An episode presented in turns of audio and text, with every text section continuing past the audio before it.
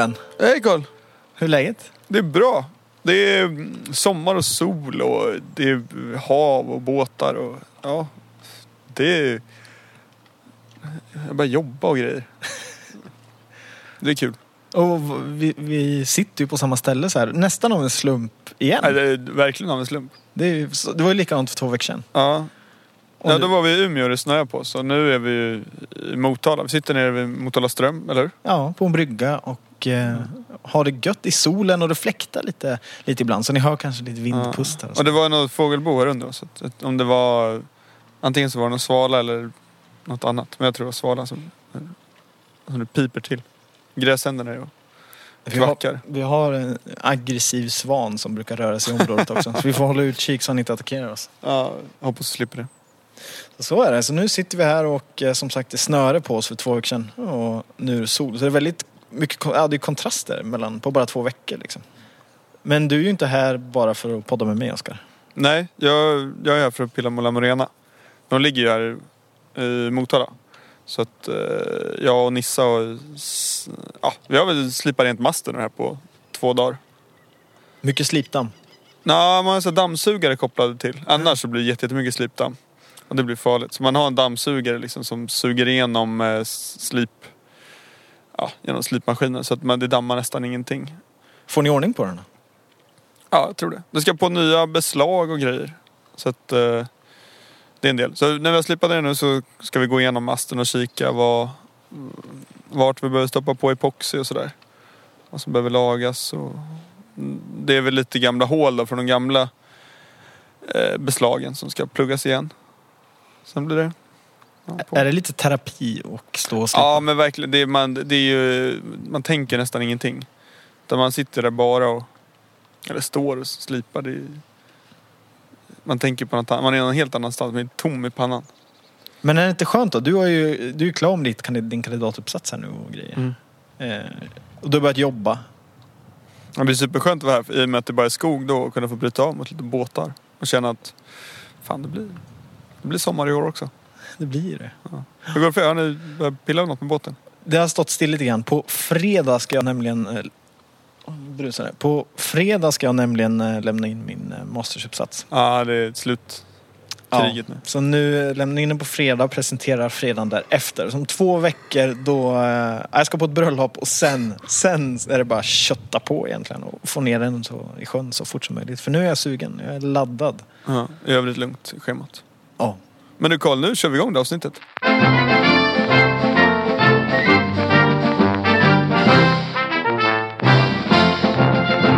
Jag eh, fick veta häromdagen, eller jag insåg häromdagen, det är ju massa andra. Vi följer ju som sagt många andra forum runt sjölivet och sådär. Tidningar och eh, webbsidor och sånt där. Men det jag förstod är att den 21 maj, vad är det för datum ens? Det är ju idag. Är det inte idag? Det här med datum, det verkar, det är så olika koll. Det byter varje dag. Jag kan aldrig ha koll. Jag tror det är den 21 maj idag. Jo, det är Ja, den första 21 maj. Ja. Och det innebär att det är flytvästens dag. Oj, Ja. jäklar nu blåser det gött här. Det är flytvästens dag. Ja, vad bra. Använder du flytväst? Ja, Ja. jämt. Ja. jämt. Ja, för igår syndade jag faktiskt lite. Nej. Jo, för vi, eh, vi sjösatte eh, den här lilla båten vi har här vid bryggan. Som ligger Den som ligger bredvid Ja.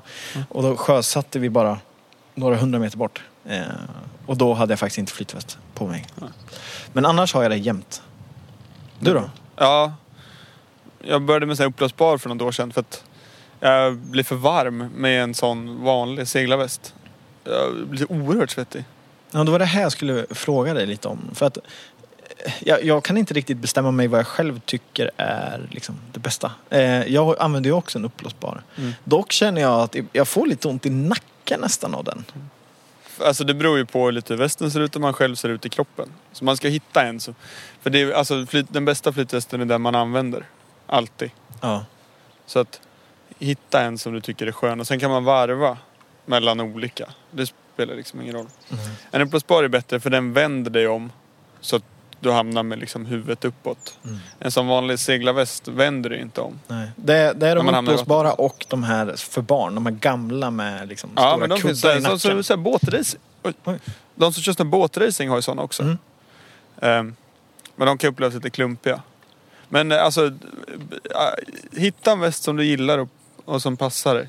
Min det- far gillar ju segelvästarna för att han tycker att det värmer lite bättre. Ja, precis. Och det finns, de också, det finns en som ser ut som nästan en dunväst.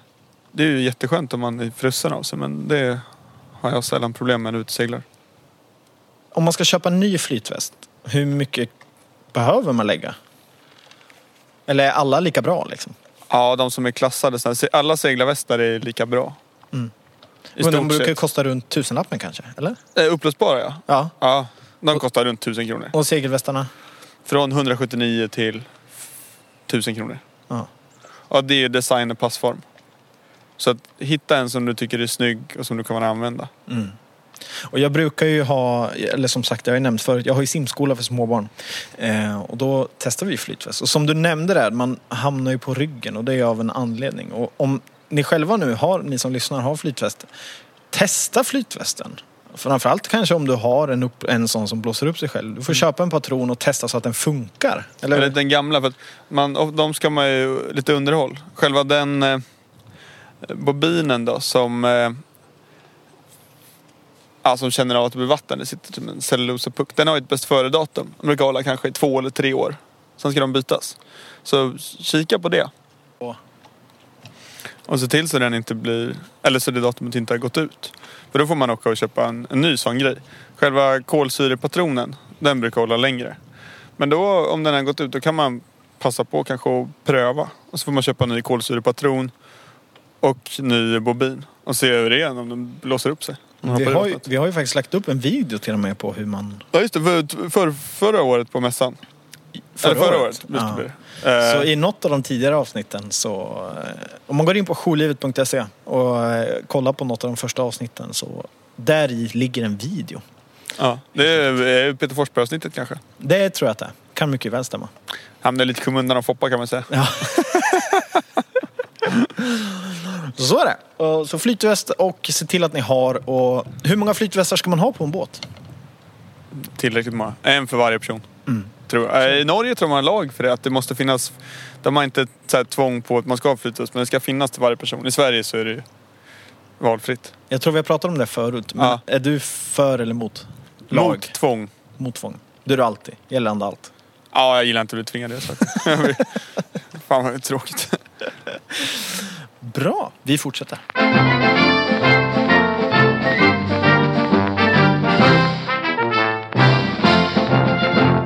Häromdagen så var det en presskonferens och vår vän Arvid Bild var ju på den. Vad var det för presskonferens, Oskar? Volvo Ocean Race. Vi, var ju, vi fick ett mail och det kändes ju mäktigt att få liksom att inbjudan till... Ja, det vart väl en bekräftelse för att man, att man faktiskt gör någonting. Det är som att vi var någon slags akkrediterad eh, Media. media. Det är så lätt att sitta här att det är bara du och jag som sitter och snackar på telefon. Och... Äh, när jag var grabb så spelade jag in liksom ett Nile City-avsnitt på låtsas med en polare. Och typ brände på CD-skiva och lyssnade på själv och skrattade. Och det känns ju ungefär på samma nivå det här. Men här, där plötsligt får man liksom mail av någon som är på riktigt. Ja, men det är kul. Ja, mäktigt. Och jag tittade ju också live. Jag vet att du inte gjorde det för du var ute i skogen och vandrade. Ja, jag var eh, i Dalarna. Du åker runt. Typ utanför Avesta. Men Dåligt. har med- du kollat i efterhand på vad, vad som faktiskt hände? Jag har läst på lite. Ja, Lite grann. Men sen när, alltså, sen när jag kom hem och så har jag varit här med La Morena. Så att, ja. För det var ju några nyheter som Volvo Ocean Race. Mm. Och för er som inte vet vad Volvo Ocean Race är. Oskar, kan inte du bara lite kort? Vad, vad det är det? väl eh, den idag största liksom, proffskappseglingen, så här havskappsegling. Mm. Så man seglar ett varv runt jorden i olika etapper. Med båtar som är 23 meter långa eller vad de är, 65 fot. Eh, och så är man eh, åtta pers ombord ungefär, 8 till 10 nu då blir det med de nya reglerna. Och båtarna är helt i kolfiber och man seglar stenhårt. Mm. Du får med dig ett halvt par kalsonger ungefär. Ja men typ. Det ska gå undan. Ja. Och den här tävlingen pågår i nio månader. Så att det, det är ju en väldigt lång tävling och den går vart tredje år. Men de har ju som sagt lite nyheter nu under presskonferensen och de har ett mål att försöka ha det vartannat år. Ja, de ska kika på det för att få Ja. Mm. upp lite mer kontinuitet i det. Och det vore ju jättekul. Och sen så pratar de ju, för det är ju en diskussion i segelvärlden, enskrov eller flerskrov. Mm. Och sen eh, America's Cup som är den största tävlingen som är Där man seglar på en bana egentligen, bara runt så här bojar fram och tillbaks, fram och tillbaks, fram och tillbaks. De bytte ju ganska nyligen från, från de klassiska enskrovsbåtarna till flerskrov och det är väl något som alltså man bytt på OS också. Att eh, gå till flerskrovsbåtar. Den här diskussionen har ju hängt med in i Volvo Ocean Race och de hade, kunde inte bestämma sig riktigt. Så vad har de gjort Oskar? De eh, splittar ju på det. De kör enskrov på havsbenen. Så då kör man långa sträckor liksom. Då är man ute kanske i 15-20 dagar. Jag vet inte, de brukar segla från kanske Spanien så seglar de till Sydaf... Nej, man åker ja, runt. Sydafrika eller man seglar bort till Kina eller vart de brukar hamna. De har seglat till eh, Abu Dhabi också. Mm. De långa havsbenen, de är vad heter det, med, blir Enskrov. på ja, en enskrovsbåt. Som man håller på, som är väl i stort sett färdigritad. Eller den är ju grund. I grova drag är den färdig hur den ska se ut. Och den kommer se ut som de här Imokka 60 båtarna som man seglar själv jorden runt med. Med Alex Thompson och dem. Så det är med svängköl och sen såna här äh, mustache foils heter det. Så de går ju åt sidan. Det är här, så- det här är lite grekiska för många av lyssnare. Men Mm. det Oskar säger är alltså att det... eh, Ni, ni, har sett bilder på det här om ni följer vår Instagram eh, på de här båtarna. Men foils, det gör ju att båten lyfts upp, eller hur? Ja, det är en vinge. Man kan tänka att Ja. det är som en vinge under vattnet liksom. Eh, Så det de gör nu det är att som sagt, som Oskar säger, att de kör offshore-racen med ja, en, en enskrovsbåt. Och sen så har de ju i Volvo Ocean Race har de ju även inshore-race. Vet du hur många de har? Har du koll på det? Ett per... Alltså de gör alla längre stopp. Och vilket är alltså mellan varje ben då, de här långa benen. Då är det ett inshore race. Och ett inshore-race innebär ju, som Oskar pratade om med America's Cup, att det är liksom inne på en bana. Ja, runt och fram och där kommer de köra två skrov. Flerskrov. Ja. eller fler skrov. Men det är en katamaran. Ja. Eller skulle, nej, visst inga trimaraner va? Det var katamaran. Nej. Ja. Så att eh, de kunde inte bestämma sig mellan en skrov och två skrov, så ja, vi kör båda. Mm, Ja. Kul. Men eh, de har inte, det var ju jättebreda ramar för den där flerskrovsbåten. Det var ju... Den skulle ju vara... Vad var det? Typ 30 till 60 fot eller något sånt här. Jag har faktiskt ingen koll på Ja, det. jag läste... Men jag tycker vi gör så här, för vi pratade ju om att Arvid Bild var ju vår representant på plats. Så jag tycker att vi, eh, vi snackar med honom. Följ oss gärna på våra sociala medier.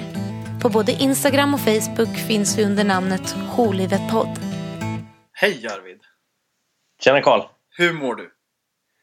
Jag mår fantastiskt bra måste jag säga. Vi har haft eh, eh, en underbar långhelg här i Göteborg förra helgen. En eh, av de första sommarhelgerna. Det var eh, nästan badväder här på, på västkusten. Så eh, det lever man på fortfarande här framåt slutet av veckan. Hur tillbringar du den då? Den tillbringar jag med lite av, avkoppling och sol och bad. Eh, eh, så så det, var, det var lugnt och skönt. Ja, gud vad härligt. Du, vi ska prata lite om, eller vi har ju hört dig förut i den här podden, men nu ska vi inte prata om M32 Cup och allt sånt där som du har varit med i. Utan vi ska prata om eh, Volvo Ocean Race, för de hade ju en presskonferens där du var vår representant på plats. Hur var det där? Hur var presskonferensen? Ja, det stämmer. Jag var ju på... Eh, jag fick, eh, fick ju den förmånen av eh, Sköljevid podd där att åka ut till Volvo-museet ute i Arendal och, och delta på den här eh, presskonferensen då som, som eh, Volvo anordnade. Eh, fantastisk eh, presskonferens. Stor, stor, eh, stor scen, eh, mycket folk, eh, högt ljud. Eh, discolampor. Det var, eh, det var all inclusive där i en timmes tid ungefär. Det var påkostat och det var eh, verkligen en gedigen presskonferens. Det kändes som eh, Champions League i fotboll ungefär.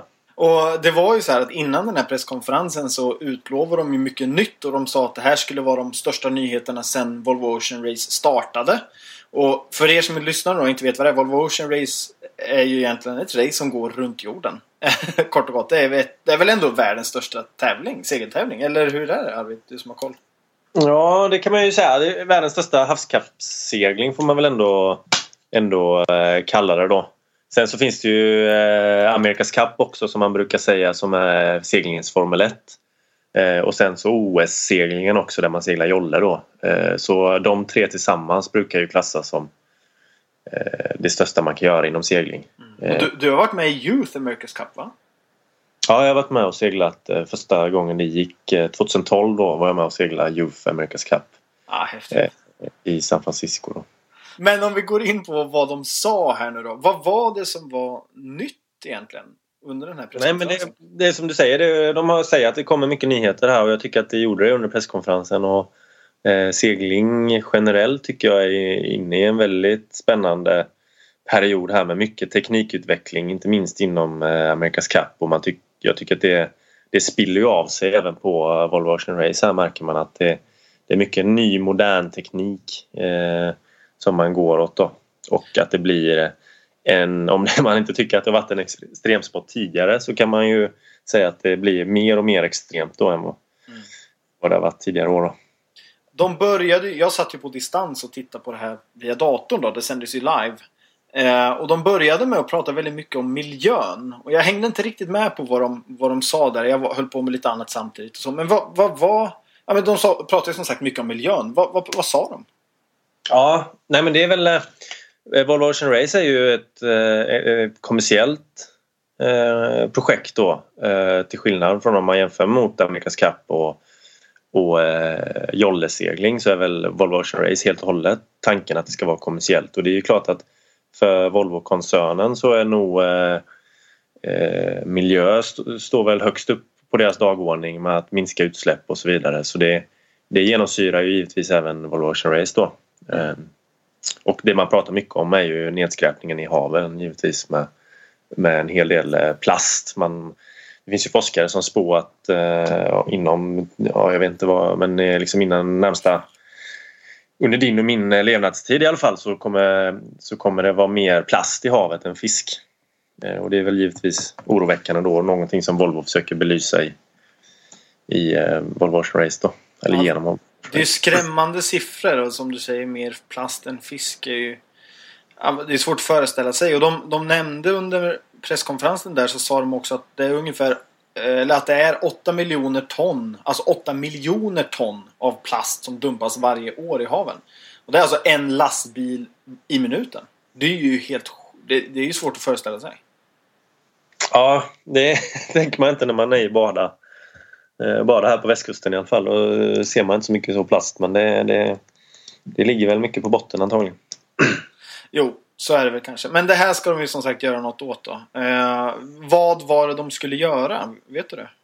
Ja, de, eh, en stor grej då som de gör kommande år här det är att de har de, de tillsätter två båtar som de stripar upp med, med logo, logo då för,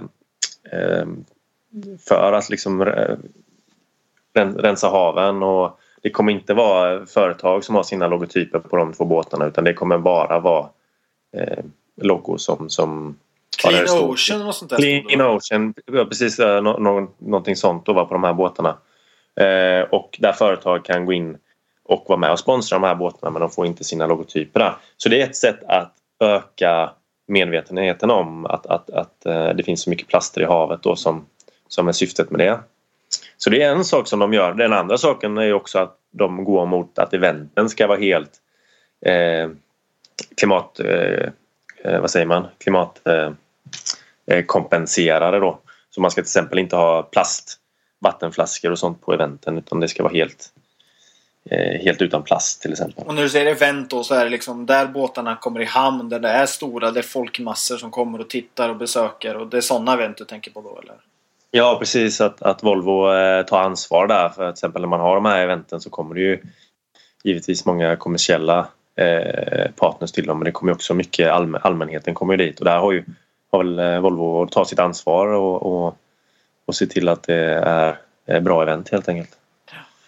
Och det här, är ju, det här är ju väldigt intressant. Men för oss som kanske är lite nördiga inom båtvärlden och så är det kanske mer intressant om nästa nyhet de hade. Och det var ju, de, tog, ju- de gjorde det lite snuck, snyggt där. De tog väl upp två av de högsta cheferna va? Vad var det de sa? De, de tog upp två, två i ledningen där för Volvo Ocean Race och så ställer de dem mot varandra och så frågar de kommer det vara katamaransegling? eller kommer det vara enskrovssegling då i, i Volvo Ocean Race framöver. Och, och då var det den ena chefen han sa nej men det kommer vara katamaransegling och den andra sa eh, nej det kommer vara enskrovssegling. Och då, eh, och då slutade det då med att konferencieren säger att nej men det kommer vara eh, både och. Vi ska ha både katamaransegling och, och eh, och då blev ju publiken lite chockade. Eh, och det man menar med det är att man, man kommer köra flerskrovsbåtar eh, inne i eh, importracen framöver. Och eh, enskrovsbåtarna kommer man ju ha till havskappseglingen. Och, och vad tycker du om det här? Det är ju intressant. Eh, kul att man eh, väljer att köra importracen i katamaraner för att importracen som, som jag har sett i Volvo Ocean Race har varit riktigt eh, eh, tråkiga. Så det är väl därför man kollar på Volvo egentligen för att se, se de här stora 60-fotsbåtarna 60 segla, segla importrace. Utan eh, det tycker jag är helt rätt att man kör katamaraner inne i eh, hamnarna. Samtidigt som eh, man då ehm, kör nya varianter av enskrovsbåtarna på havskapslinjen. Ja, för det var ju också en, en, en nyhet man ska säga. Att idag har de ju, 62 fotsbåtar och det, det, är vissa regler men de får modifieras helt enkelt. Att man kan bygga dem lite enligt... Alltså man måste följa reglerna med att man får anpassa dem och modifiera dem. Men nyheten är väl att nu ska de göra nya båtar som är 60 fot, alltså två fot mindre. Och de ska vara exakt likadana för alla. Vad, hur ser du på det då? Nej, men det tycker jag är väldigt positivt. Och, eh, det kommer ju även med det här att det kommer vara foils på, eh, på de här eh, nya båtarna. Då. Och det är ju någonting som, man, som gör att man får mer livskraft och båtarna kommer Vi pratar inte tiondels knop längre eh, snabbare som båtarna kommer gå utan vi kanske pratar flera knop snabbare på egentligen alla, alla bogar vilket är väldigt intressant. Och eh, för att återgå till eh, just det här med att det blir ännu mer one design. Det tycker jag ur idrottsligt perspektiv tycker jag det är väldigt bra för det håller nere, det håller nere kostnaderna. Det kan möjliggöra att fler team har råd att köra. Det det eh, tar ju bort lite materialspotten ur det och blir mer ett idrottsligt perspektiv vilket man kan säga att egentligen hela spotten går ju åt, åt det hållet egentligen. Mm. Även i Amerikas Cup till exempel där man eh, försöker få till mer standardiserade regler. Då. Ja, här hade jag och Oskar lite delaktiga meningar eller vad man ska säga. Han, han tyckte väl om att man kunde modifiera båtarna och att det var lite charmen i det hela. Att vissa var bättre på en bog än en annan och den andra var bättre på något annat och så vidare. Eh, men jag är ju som du vet också härstammar ju från simning och sånt där. Och, och jag tycker att det ska, det ska inte vara en materialsport. liksom. det, det ska vara prestationsbaserat och det är ju där det blir mer nu. Eller hur? Ja, men det får man väl ändå säga. Vi är kanske inte riktigt så långt som simningen där man får välja mellan två olika badbyxor men eh, det går ju helt, helt och hållet åt det hållet i alla fall. Och, nej, men jag tycker det är bra för sporten både ur idrottsligt perspektiv men också ur det kommersiella perspektivet att, att det är fler företag som har råd att, att vara med eh, och se det kommersiella för det är svårt faktiskt. Jag har jobbat mycket med eh, när jag seglar professionellt med, med företag och det kan vara väldigt svårt ibland att motivera höga kostnader. Mm. Eh, så, så om man jämför mot att sponsra golf till exempel eller, eller fotboll så är det ju en helt annan, helt annan budget. Då. Träffade du eh, någon intressant person på den här mässan? Ja, det var ju på presskonferensen där. Det var ju det var många eh, roliga personer där. Jag träffade bland annat Phil Robertson som vann eh, VMRT här i somras eh, på Marstrand och vann då en miljon dollar där i prispengar. Så han var ju eh, han var där på presskonferensen och ser lite vad som händer. Och eh, ja, det var massa, massa seglare helt enkelt och, och eh, säkert en del företagsledare också som inte jag, som inte jag känner. Nej men för det var ju också någonting jag tänkte på om vi bara ska backa tillbaka lite grann till just det här med miljön och eh, ur den synpunkten så var det Det var ju inte bara Volvo som stod där, ut, där uppe på, på scenen utan det var, kändes ju som att de presenterade många företag och nyckelpartner som World Sailing och lite sådär att de, det verkar som att de verkligen kämpar för att få in så många som möjligt i hela det här, ja vad man nu ska kalla ja. Ocean Race, hela den delen. Asco Nobel är väl en stor sponsor med, eh, tror jag. Ja, alltså det verkar vara väldigt mycket och eh, det är ju på något sätt, de, de sa någon mening där också att ett företag kan inte göra allt. Eller alltså som de när, i samma, samma sammanhang som de pratar om de här siffrorna som 8 miljoner ton plast och så vidare. Så pratar de ju om att det måste hjälpas åt de här stora företagen framförallt måste arbeta tillsammans för att göra något helt enkelt. Har du någon mer sådär insikt eller nyhet eller något från presskonferensen att dela med dig av? Det är väl det med katamaranerna i, i hamnarna som man också kan... Eh, man blir lite fundersam över. Volvo säger att de ska Eh, bygga egna katamaraner då. Det kan man som, som jag som seglat eh, M32 tidigare och jag pratade även med Phil, Phil Robertson då som seglar både M32 och GC32 som man kör i Extreme Sailing Series som är en annan professionell serie då eh, så kan man väl tycka att det är lite konstigt att Volvo då väljer att bygga egna katamaraner. Nu vet inte jag om det var skrivet i sten att de ska göra det eller inte men det lättaste för dem borde ju vara att ta M32 och köra den eh, import då. Alternativt att man väljer GC32 till exempel. Men, eh, så det var lite eh, lustigt att man väljer att bygga, bygga egna båtar bara för det. Men eh, annars så ur seglarnas perspektiv så tycker jag förutom det då att man ska behöva lära sig ytterligare en katamaran till exempel om man seglar redan seglar Extreme Sailing Series och vill gå in och köra Volvo också. Då blir det ytterligare eh, det ska du lära dig i men också en ny katamaran. Mm. Eh, förutom det då så tycker jag ur seglarnas perspektiv var det bara eh, positivt. Hur tänker man då som ett lag? Om jag, alltså jag sätter mig in i någon slags teamleader på ett sånt här, en sån här båt. Eh, tänker man då att okej, okay, nu är det katamaraner också. Då måste vi ha med folk på båten som är väldigt bra på katamaraner. Så att man försöker dela upp crewet, alltså besättningen lite över deras specialiteter. Eller är det så att det är så pass liten skillnad mellan enskrov och tvåskrov att alla kan göra allt? Eller hur funkar det här i den världen? Ja, det, fun det funkar ju så. Man kommer ju då eh, garanterat så kommer man ju som lagledare då titta på poäng till exempel. Hur, hur mycket är de här importracen värda i poäng jämfört mot havskappseglingarna. Eh, det kan ju vara så att de bara blir värda en bråkdel av havskappseglingarna och så vinner man de flesta havskappseglingarna till exempel då, då spelar inte importracen någon roll och så, så, utan man väger ju in man väger in hur, det, eh, liksom hur modellen ser ut då. Och sen får man välja, välja seglare utefter det.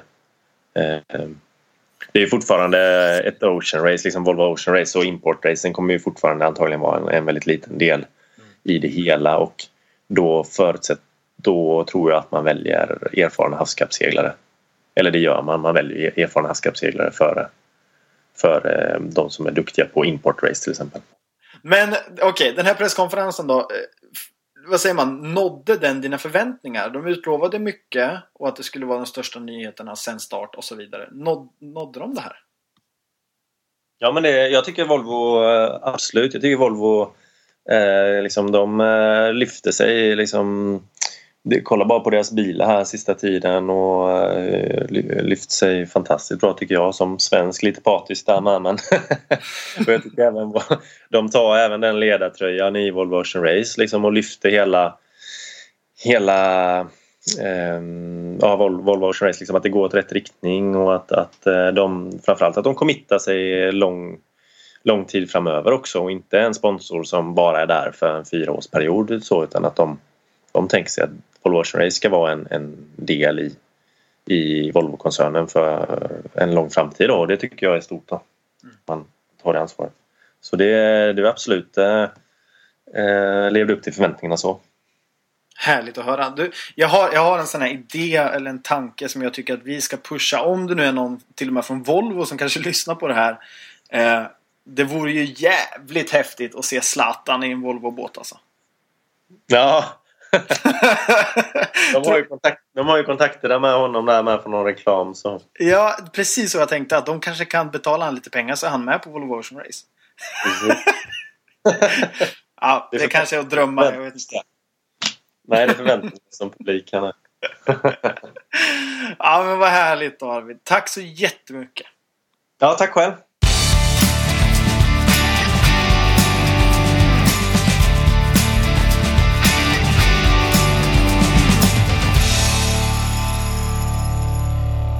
Det, det som hände inför förra årets upplag, eller förra upplagan av Volvo Ocean Race, det var ju att man byggt, tidigare så fick varje team designa sin egen båt. Och så hade man en regel. Nu är det en typ som gör att Volvo bygger båtarna och har designat dem helt och får man leasar liksom ett färdigt paket med båtar. Det gör ju att racen blir ju oerhört mycket tajtare. Alltså de ligger, båtarna är ju precis lika snabba och likadana. Racingen blir ju supertajt ute till havs. Ingen båt är ju snabbare på någonting än någon annan. Tidigare så har det varit så att ja, men kanske någon har lyckats bygga en båt som är lite snabbare på uh, lite öppnare bogar och någon är lite snabbare när det är ren undanvind. Ja, det är små skillnader som Mm. gör små skillnader. Ja. Vilket ledde också till att verkligen teamet med bäst, mest pengar hade ju råd att bygga kanske två båtar. Och då kunde man ju ligga och köra och verkligen eh, justera vad som är snabbast. Medan de eh, fattigare, mindre rika teamen, ja, de fick ju köra på det de hade och hålla tummarna. Men eh, i och med det här nu då, så blir det ingen, ingen utvecklingsaspekt på det. Det är ingen som kan liksom ha chocka de andra med att ha byggt något tokigt. Senast var väl eh, Abu Dhabi som hade sin båt med som en himla mycket volym fram i fören så den var nästan trubbig. Men de hade lite strul tyvärr så de fick inte till det. Och nu så tappar man det. Och det kan jag tycka är lite synd för jag, jag gillade den. Att så här, shit då har de byggt en båt som är fan helt jävla knäpp. Är det inte lite så då att eh, om, ah, jag vet inte vad jag ska säga, men är det inte lite mer ärligt nu då? Alltså att nu har alla exakt likadan båt och att nu är det verkligen team, teamen, alltså besättningen som avgör och vindberäkning och allt det hela. Det som blir också den som vinner. har, har råd att anställa bäst seglare och har lagt ner mest träningstid på dem. Så det blir fortfarande en pengagrej. Ja, Ja. så kan det vara också, men det är ju ännu mindre pengagrej. Ja. För att du inte behöver designa båten själv. Men det är ju också pengar en del, en del utav det har varit att, alltså att de bygger en, en båt. Alltså man har en ingenjör som sitter och kliar sig i huvudet och bara, hur, fan, hur gör vi det här? Hur hittar vi? Det, det bygger en häftig personlighet med teamen. Och det här hemlighetsmakeriet tycker jag är spännande. Det var tidigare, det är, också, det är som det är i America's Cup. Där är det. Där får de ju där är det hemligt och de, de rullar ut båtarna med liksom, har täckt över vissa delar av båten, så undervattenskroppen så att man inte ser det innan den sjösätts. Och de spionerar på varandra. Och så, ja, men jag, jag, det, det gillar jag. När det är lite så, så. Nu är det... Och sen efteråt så får man reda på, så, aha det var så där det var. Nu är det liksom, så här är det. Mm. Och så är det bara så. För att om någon nu har dragit ifrån på ett race, då ligger de före. För det går liksom inte att segla tre knop snabbare eller två knop snabbare än en annan. I samma, man ligger i samma vindsystem. För då seglar båtarna precis likadant. Ja, men är det inte det som är lite mer ärligt då? Ja, men har någon lyckats bygga en båt som är snabbare så det är ju fett. Ja, Alltså, Ericsson-båten. jag förstår vad du säger, men jag, som jag säkert har nämnt, så är jag gammal tävlingssimmare. Mm. Och det är ju som att en simmare skulle få en laserdräkt som fanns då. Alltså en, du känner ju till vad det Ja. Alltså en dräkt som gör att man simmar snabbare. Och jag skulle få tunnbåtsdräkt. simma i ett par tygbyxor. Ja. Då är det inte en ärlig match. Nej, men du, för då har du ju en regel som begränsar att så här, bara, du får använda... Du har tre kvadratmeter sånt lasertyg. Bygger på så jävla snabba badbyxor som möjligt. Du har ju en regel också som begränsar. Ja, ja, men vi byggde mer så att jag hade mer sånt lasertyg på magen. Ja, var det snabbare? Ja, det var snabbare för bröstsim. Men sen var det ryggsim och då var det långsammare. För då har den andra satsat och byggt mer sånt lasertyg på ryggen. Ja, men det var den snabbare på där. Och det, det är det som är spännande. alltså jag förstår vad du menar med skärmen, men jag, jag är nog för att det är lika båtar. En typ. Ja. Ja, det. Men jag tycker vi fortsätter den här diskussionen på sociala medier. Och vi har ju några Patreons. Ja. Och om det är någon som är sugen på att vara med, vara med i vår Facebookgrupp så gå in på patreon.com jourlivet. Och där kan man donera pengar helt enkelt för att hålla den här podden flytande. Och eh, få tillgång till eh, extra material. Exakt. Och då får man bland annat tillgång till extra material. Vi spelade in en liten film här precis innan. Mm. Och ljudklipp och annat. Men även då tillgång till den här Facebookgruppen där vi snackar om sådana här grejer. Och bara, ja, diskuterar saker helt enkelt. Så jag tycker vi fortsätter den diskussionen där.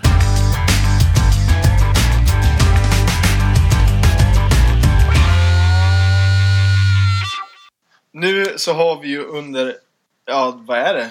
12-13 avsnitt dylikt så har vi pratat om vår vän Moringo. Och nu pratar vi med mannen bakom Moringo. Hej Robert! Ja, tjena Karl. Hallå! Hur är läget med dig? Jo, det är bra. Jag sitter här i Göteborg och jobbar på våra grejer. Jajamän. Jag är på land. Du är på land nu. Ja, vi pratade i telefon här förra veckan. Då var du i båten. Ja, jag bor ju på båten. Eh, normalt sett. Men eh, ja, ibland får jag, gå, ja, jag får gå i land helt enkelt också. Det är ändå rätt bra. Man varierar sig. Ja, men du är ju en, en eh, ja, vad ska man säga, en born and raised kan man väl, eller en genom, i hela själen är du ju en båtmänniska. Så är det ju. ja, det kan man säga. Ja, det gör man. Jag har ändå ja, jag har bott på båten nu i 15 år. Jag har inga planer på att flytta heller. Jag tycker det är gött. Ja. ja det, det är ändå en dröm som jag vet många har. Så att, eh, härligt, härligt, härligt.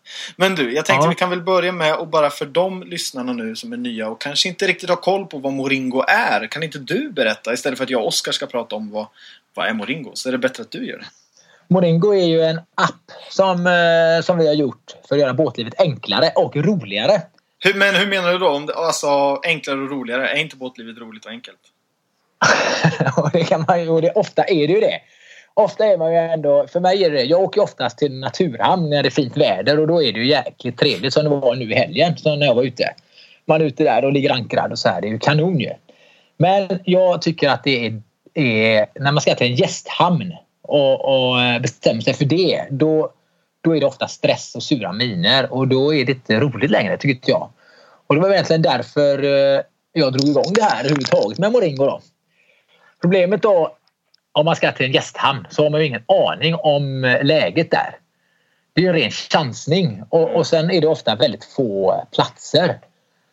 Trots att det eh, kan vara rätt många platser där som är lediga. Så när man kommer dit så, så får man inte tillgång till dem utan man måste ligga utanpå andra båtar. Så, där. så jag ligger ju i Göteborg. Tänker jag så här, ja, jag ska vilja åka någonstans. Då, då blir det så att jag alltid tänker på samma hamnar hela tiden. Som är en radie på en dagstur ungefär. Då? Mm. Av de tio så, har jag alltid, så väljer jag bort fem direkt. Du vet, dålig erfarenhet. Jag har varit där någon förut eller det, varit, det är för lång risk. Liksom. Det är för stor risk att åka dit. För att eh, det, det kanske är fullt. Mm. Om det skulle vara så att det är fullt så är det ju en jättemäck för mig att hitta något annat ställe att åka till. Ja. Så att det blir ju att man väljer bort en massa hamnar och så väljer man de fem som man alltid åker till. Och då väljer man alltid de stö- största. För det är ändå störst chans att det finns plats då. Mm. Vi, vår Ingo gör så här då. Att vi flyttar ut de här röda gröna skyltarna på havet. Så att man direkt ser att det är ledigt och var det är ledigt. För egentligen är det så att alla båtägare som är ute på sjön och åker har ändå lämnat en plats bakom sig. Mm. Det är bara att man vet ju inte det. Men om man i appen då så markerar båtägaren själv ledighet och då lånar han eller hyr han ut sin plats när han är borta. Då. Så här finns det ju pengar att tjäna. Om man blir borta tre veckor från sin plats på semestern så man- kan man ju få in flera tusen liksom på, på och, och markera en ledighet så att andra kan hyra den. Sen är det ju så, här så ligger man i en båtklubb eller något så går ju pengarna dit då. Men Ja. det är när någon bokar då. Men det, då får ju klubben i alla fall bättre ekonomi och, och, och som medlem får man ju då kanske lägre årsavgift eller nya bryggor då. Med våran app då så, så gör man det möjligt då att, att för medlemmen att enkelt markera att nu är jag borta fredag till söndag. Och då kan någon annan båtägare direkt hitta det och boka det och åka dit. Mm. Så det blir ju massa nya destinationer. Nu kan man öppna upp en båtklubb på du vet, 20 platser. Det finns ju ingen ekonomi att göra det med personal. Men vårt system blir ju helt en automatisk gästhamn då. Så grunden är ju det här då att man kan hyra ut och hyra båtplatser. Men ni har ju även byggt in lite andra grejer, eller hur? Ja, det kommer ta en stund innan alla hamnar med. Va? Men vi har ju redan nu byggt in då att, att båtgäster då på plats i gästhamnen kan uppdatera appen. Mm. Om, det, om det är ledigt eller fullt. Så att säg så här då att vi har en att jag seglar till eh, att jag kommer till Marstrand och så kommer jag in där så ser jag där att wow, här är ju, finns faktiskt plats kvar. Då kan jag enkelt meddela det i appen. Eh, bara trycka på en knapp och då talar jag om där, här är ledigt och då kan andra båtägare som är på väg till Marstrand eller funderar på Marstrand se där att kolla här är, har någon för en kvart sedan sagt att eh, det finns lediga platser fortfarande. Ja, det är svinbra. Alltså, jag tänker så här spontant på... Jag använder mycket en app som heter Waze när jag åker bil. Och det är lite samma grej. Att de som använder Waze uppdaterar om det är en fara på vägen eller om det är en polis eller vad det än är. Så man hela tiden kan se liveuppdatering från andra medlemmar. Och det är det här det bygger på med och vi behöver ju bli Ja, fler och hjälpa varandra helt enkelt. Och det skulle ju vara så extremt skönt att kunna se sådana här saker och slippa kanske gå in till en hamn och sen är det fullt. Istället kan jag redan kolla några timmar ut och se, ja, ah, men här finns det ju plats. Meningen är att båt, eh, båtägarna här nu ska hjälpa varandra då. Och, och vi ger ju massa poäng för detta. Bland annat då att man uppdaterar status i de hamnar man är i och att man eh, uppmanar hamnarna via appen att eh, uppdatera sin information och, och det att flagga ledig, sin plats ledig och så här. Det hjälper ju andra båtägare att få ett bättre båtliv och för det ger vi poäng då. Och den som har varit bästa båtvännen kommer vi att prata om nästa vecka vad, vad vi skulle göra där då. Ja, då händer det lite grejer. Sjölivet. Ja, då händer det grejer. Då blir det en belöning. Ja, vi får kolla på det. Förutom det då så lägger vi ju även in eh, webbsidor och kontaktuppgifter och information om verksamheterna i, som finns i hamnen. Det är ju typ restaurangen, frisören, båtaffären. Mm. Och även om det finns ett erbjudande då till oss båtägare. Och det här är ju det, man åker inte till en hamn för att besöka hamnen utan det är ju för verksamheterna runt omkring och, och vad man kan göra på det stället och så då. Och det här är ju ett led i detta. Då. Man ska direkt kunna gå in på webbsidan på den lokala restaurangen där och, och titta vad de har för meny och sådär. Då. Så det lägger vi in. Och sen lägger vi även in evenemang som sker i hamnområdet. Då. Det kan vara dans eller quizkväll eller allsång eller liveband eller loppmarknad vad som helst va? som folk är intresserade av. Och, och tittar man då på fredag, nu bestämmer jag att jag ska ut på fredag och åka båt. Så kan jag enkelt i Moringo titta på kartan och direkt se vilka hamnar som det är ett evenemang i den dagen. Så jag missar ju ingenting längs kusten. Eller så kan jag välja att missa det. För jag kanske inte vill ha de här evenemangen. Säg att det, vi vet att det är matchcup helt plötsligt i, i, på Marstan. Det är ju jävligt ball för de som tycker det är kul. Men det är jävligt jobbigt för barnfamiljen kanske som eh, hade tänkt sig åka dit för att köpa glass. Ja, exakt. Och då kommer jag välja att inte åka dit. Men, eh, och den informationen samlar vi ihop nu då så att alla, allting som händer längs kusten finns i vår app. Så du bara du hittar allt där. Så du inte missar något. Jag kanske bara är intresserad av, hamnar som har en båtaffär och eh, eller ett wifi är ju intressant. Om man ska kolla på en viktig fotbollsmatch eller något. Ladda hem appen och kolla på den. Testa! Lek! Se vad som händer. Och det kommer ju även komma mer saker här i framtiden vad jag har förstått som. Så att Ja, ja, ja. eh, ni håller ju på och jobbar för fullt. Ja, det gör vi. Så att det kommer komma en rätt... Vi håller på att jobba för fullt här nu till och med första juli. Så kommer vi ha en... eh, Ska alla funktioner vara på plats? Det är ju redan fullt fungerande nu. Men vi har några nya, ytterligare några nya grejer som ska in. Och eh, sen har vi ju eh, rätt mycket spännande grejer som ska ske till nästa säsong också. Ja, men det tar vi då. Det tar vi då. Vi har ju som sagt till nästa vecka en härlig överraskning, eller hur? Ja, det har vi. Det är precis. Bra. Då tackar vi för Ja. det, Robert. Tack Carl. Ja, ha Tack. en eh, god dag. Hej då! Ha det gott. Hej!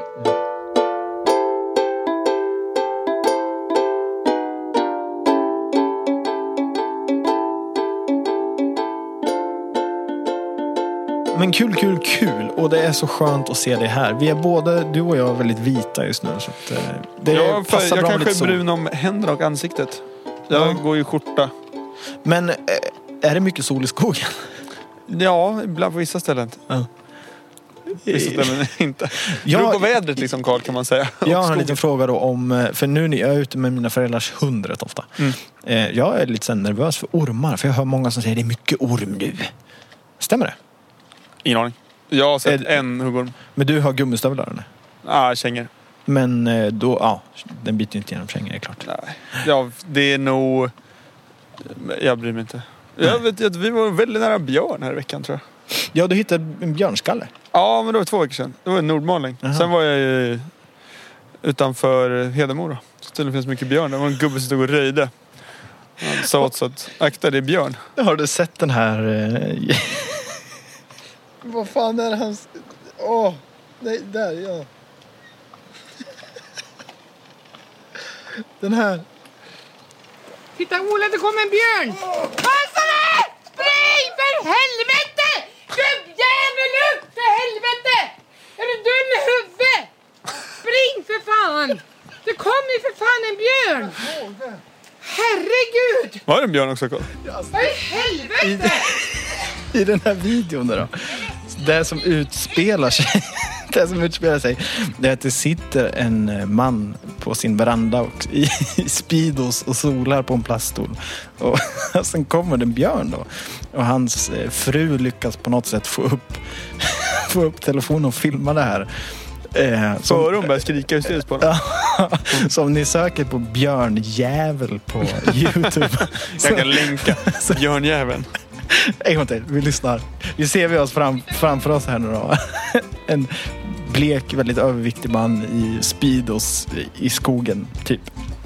Titta Ola, det kommer en björn! Passa dig! Spring för helvete! Gubbjävel upp för helvete! Är du dum i huvudet? Spring för fan! Det kommer ju för fan en björn! Det kommer ju för fan en björn. Herregud! Vad i helvete? Ja, det är roligt. Eh, så med björnjävel så... Eh, ja, tackar vi väl för oss. Ja men det gör vi. Det är det. Hej då!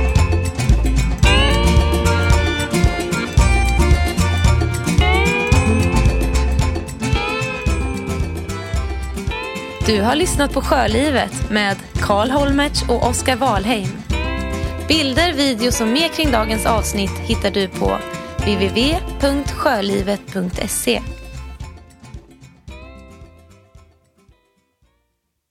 Sjölivet produceras i samarbete med Poddbyrån.